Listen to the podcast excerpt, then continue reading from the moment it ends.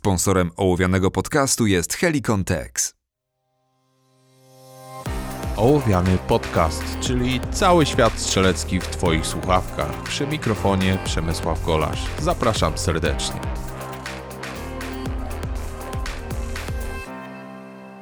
Cześć, witajcie w 48 odcinku Ołowianego. Dzisiaj pomówimy sobie na temat zakupu pistoletu używanego na co zwrócić uwagę, jak się do takiego zakupu przygotować, żeby przysłowiowo nie wtopić. Ale zanim może na ten temat powiem coś więcej, chciałem Was bardzo serdecznie zachęcić także do odsłuchiwania nowego podcastu, który jest taką realizacją mojego marzenia, które zawsze miałem, żeby stworzyć radio strzeleckie. I na początek właśnie powstaje taki króciutki serwis informacyjny, codzienny, póki co jeszcze, jeszcze nie straciłem zapału i sił. Każdy odcinek trwa około 3 minuty. Czasami są takie odcinki trochę bardziej humorystyczne, ale przede wszystkim jestem nastawiony tam także na przedstawianie rzetelnych wiadomości. Zresztą dostałem od Was uwagi po pierwszym odcinku, że bardziej byście chcieli audycji skierowanej w tą stronę, dlatego będą zdecydowanie takie właśnie informacje się tam pojawiać. Pod tym e, materiałem za każdym razem są w tej chwili już linki do omawianych produktów, także możecie sobie wejść na stronę producenta. Czasami to jest do jakiegoś filmiku na YouTubie, który przedstawia nowy produkt i tak dalej, i tak dalej. Jeżeli odsłuchujecie ten podcast, który się nazywa W Samo Południe, w aplikacji na Spotify'u, wtedy można sobie bezpośrednio pod odcinkiem kliknąć na telefonie i przekieruje was do właściwej strony i serwisu. Jeżeli natomiast oglądacie w przeglądarce, wtedy niestety trzeba linki przeklejać, bo w większości wypadków nie działają tak jak powinny. Także bardzo serdecznie Was zapraszam. E, dajcie znać, co myślicie. Jeszcze raz, serwis w samo południe pojawia się codziennie w tej chwili. Trwa bardzo króciutko, jeden odcinek to około 3-3,5 minuty i tak na razie będę chciał e, zachować tą długość z tego względu, że i tak wymaga to ode mnie bardzo dużo pracy i wysiłku, żeby codziennie taki materiał się pojawiał. A teraz przechodzimy już do naszego odcinka ołowianego i będziemy właśnie mówić na temat tego, jak przygotować się do zakupu broni. Przede wszystkim, jeżeli chcecie kupić używany pistolet i jesteście początkującym strzelcem, to nie za bardzo wiecie, na co zwrócić uwagę. Jest ogrom rzeczy, które wtedy przytłacza i które, że tak powiem, odciągają uwagę od właściwego celu, czyli zakupienia broni, która autentycznie jeszcze coś sobą reprezentuje i daje szansę tego, że sobie trochę postrzelacie. Przede wszystkim dużą rolę odgrywają wtedy emocje, szczególnie jeżeli kupujecie swój pierwszy pistolet. Wiem, bo swój pierwszy pistolet kupowałem też jako broń używaną, co oczywiście nie jest złym wyborem, bo nie trzeba od razu wyrzucać nie wiadomo jakich ilości pieniędzy, ale być może jeszcze wtedy wszystkiego nie zauważycie, co powinniście zauważyć. Ja w tym momencie nie zauważyłem, że blok ryglowy był pęknięty, a był to Glock drugiej generacji. Na szczęście osoba sprzedająca, kiedy ją poinformowałem już po czasie, że ten blok jest pęknięty, skontaktowała mnie z innym strzelcem, który nieodpłatnie mi ten blok wymienił na nowy, także wszystko działało jak należy ale nie zawsze ma się takie szczęście, także szczęściu trzeba trochę dopomóc. Jak to wygląda? Słuchajcie, warto w jakikolwiek sposób sprawdzić strzelca. W dzisiejszych czasach, kiedy mamy media społecznościowe, Facebooka, Instagrama i tak dalej, jeżeli mamy oczywiście swoje konto na nich, można poprosić o dane te podstawowe do spisania umowy, czyli imię i nazwisko i na tej podstawie po prostu znaleźć sobie strzelca i zobaczyć, jeżeli się okaże, że jest to osoba, która jest strzelcem dynamicznym, no to już większa szansa jest na to, że pistolet ma dość spory przebieg. Nie zawsze będzie to widać po broni. Dlaczego? Ponieważ nawet ten przysłowiowy Glock, który staje się bardzo często pierwszym pistoletem, zupełnie inaczej okazuje zużycie, jeżeli mówimy na przykład o trzeciej, a o piątej generacji. Trzecia generacja po 10 tysiącach strzałów nie ma właściwie śladów na lufie, jeżeli była odpowiednio smarowana, natomiast piąta generacja po tysiącu strzałów wygląda jak trzecia po 30 tysiącach. Niestety są inne powłoki i nie zawsze to zużycie da się w ten sposób określić, nawet przez doświadczonego strzelca, a co dopiero strzelca początkującego. Jeżeli kupujecie, na przykład już pójdźmy w kierunku tego Glocka, jeżeli kupujecie Glocka drugiej generacji, to warto zwrócić uwagę na to, czy jest to czysta dwójka, czy przejściowa trójka, to znaczy, czy jest jeden czy dwa piny na bloku ryglowym z boku. Jeżeli jest jeden pin, no to po pierwsze, y, miały te pistolety tendencję do tego, że ten blok ryglowy pękał, to po pierwsze, a po drugie już może być bardzo trudno dostępny. Do trójek jeszcze dostaniecie, czwórki bez problemu, piątka, natomiast tak jak mówię, z dwójką już mogą być w tej chwili spore problemy, żeby taki nowy blok dostać. Jeżeli chodzi o sam pistolet, ważne jest przede wszystkim jak wygląda korona lufy. W niewielu pistoletach będzie ona chyba uszkodzona, bo nie wiem, jak trzeba by było katować pistolet, aby taką koronę lufy uszkodzić. Ale jakieś nieumiejętne czyszczenie i tak dalej, jakieś, nie wiem, wybijanie e, naboju, który zakleszczył się w lufie, może spowodować, że ktoś przewód lufy lub koronę uszkodzi.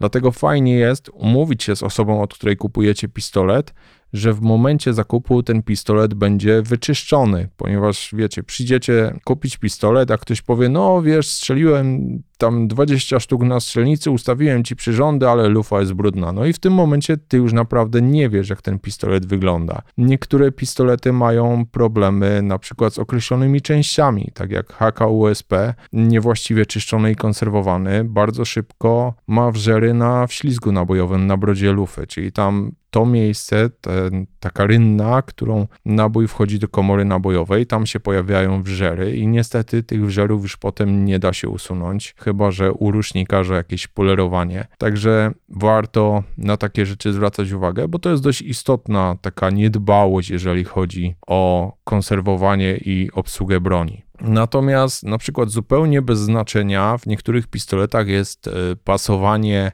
zamka względem szkieletu. Szczególnie mam tutaj na myśli beretty. Jeżeli mówimy o berettach z rodziny 92, to wcale nie jest to wyznacznikiem tego, że pistolet będzie niecelny. Oczywiście aluminiowy szkielet, szczególnie jeżeli jest anodyzowany na czarno, bardzo fajnie pokazuje na szynach zużycie.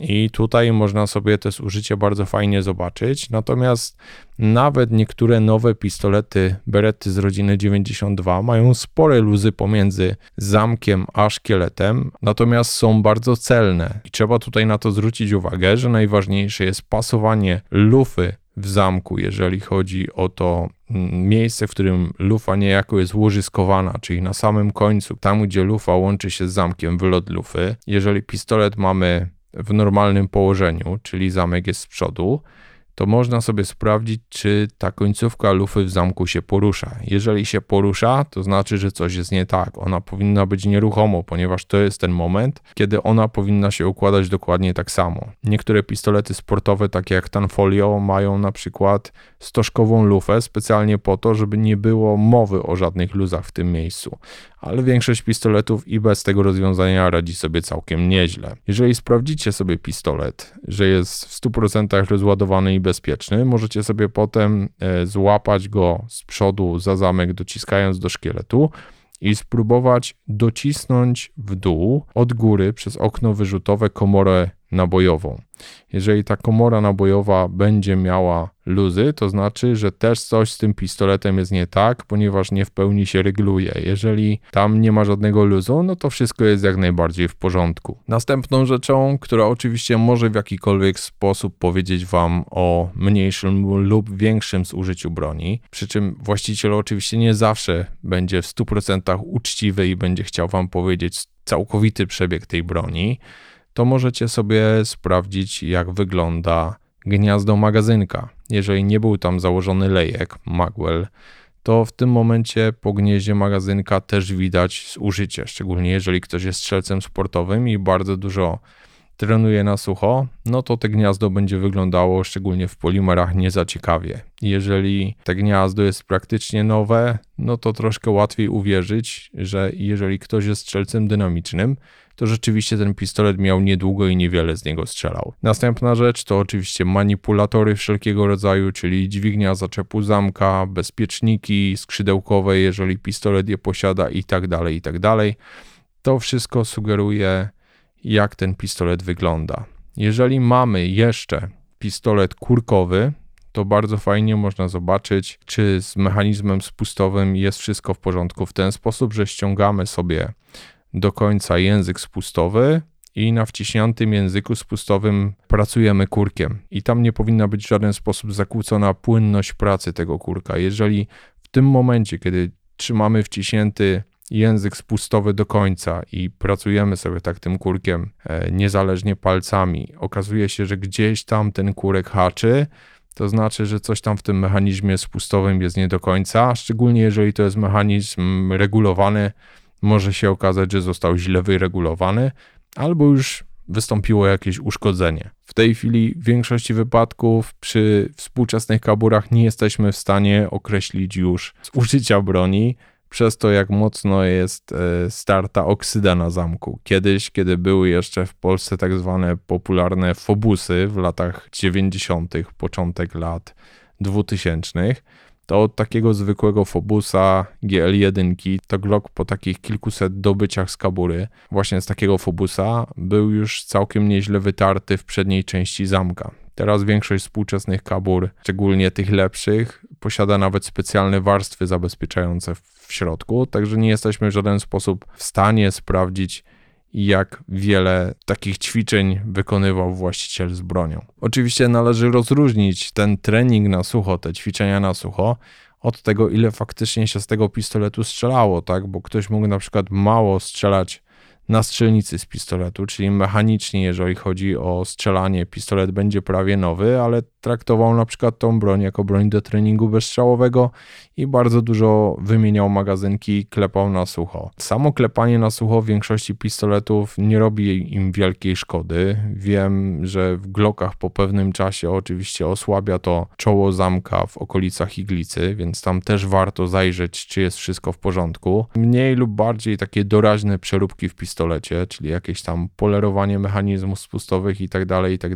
nie robią wielkiej szkody, ale dobrze zabrać ze sobą jakiegoś kolegę, znajomego, który ma troszkę większe doświadczenie, jeżeli chodzi o broń, ponieważ bardzo łatwo jest też zepsuć pistolet takimi samoróbkami, przeróbkami do tego stopnia, że może on być niebezpieczny w użytkowaniu. Znam przypadki, że niektórzy strzelcy na przykład wyjmowali zupełnie niektóre zabezpieczenia, zabezpieczenia na przykład iglicy samoczynne przed oddaniem strzału i w tym momencie pistolet był niebezpieczny dla przyszłego użytkownika. Na takie rzeczy trzeba zwracać uwagę i takich rzeczy trzeba unikać. Jeżeli ktoś już takie cuda wyprawia z pistoletem, a znam nawet asów, którzy wkręcali śrubę, ograniczając w pewien sposób reset w Glocku, jeżeli chodzi o ruch szyny spustowej, no to zdecydowanie raczej od takiego pana pistoletu bym nie kupił. Przynajmniej do czasu, kiedy nie jestem naprawdę doświadczonym strzelcem, nie wiem na co to wpływa i nie jestem pewien, że w żaden sposób nie uszkodziło to pistoletu. Wiem, że pewnie po tym odcinku macie więcej pytań niż odpowiedzi, jeżeli chodzi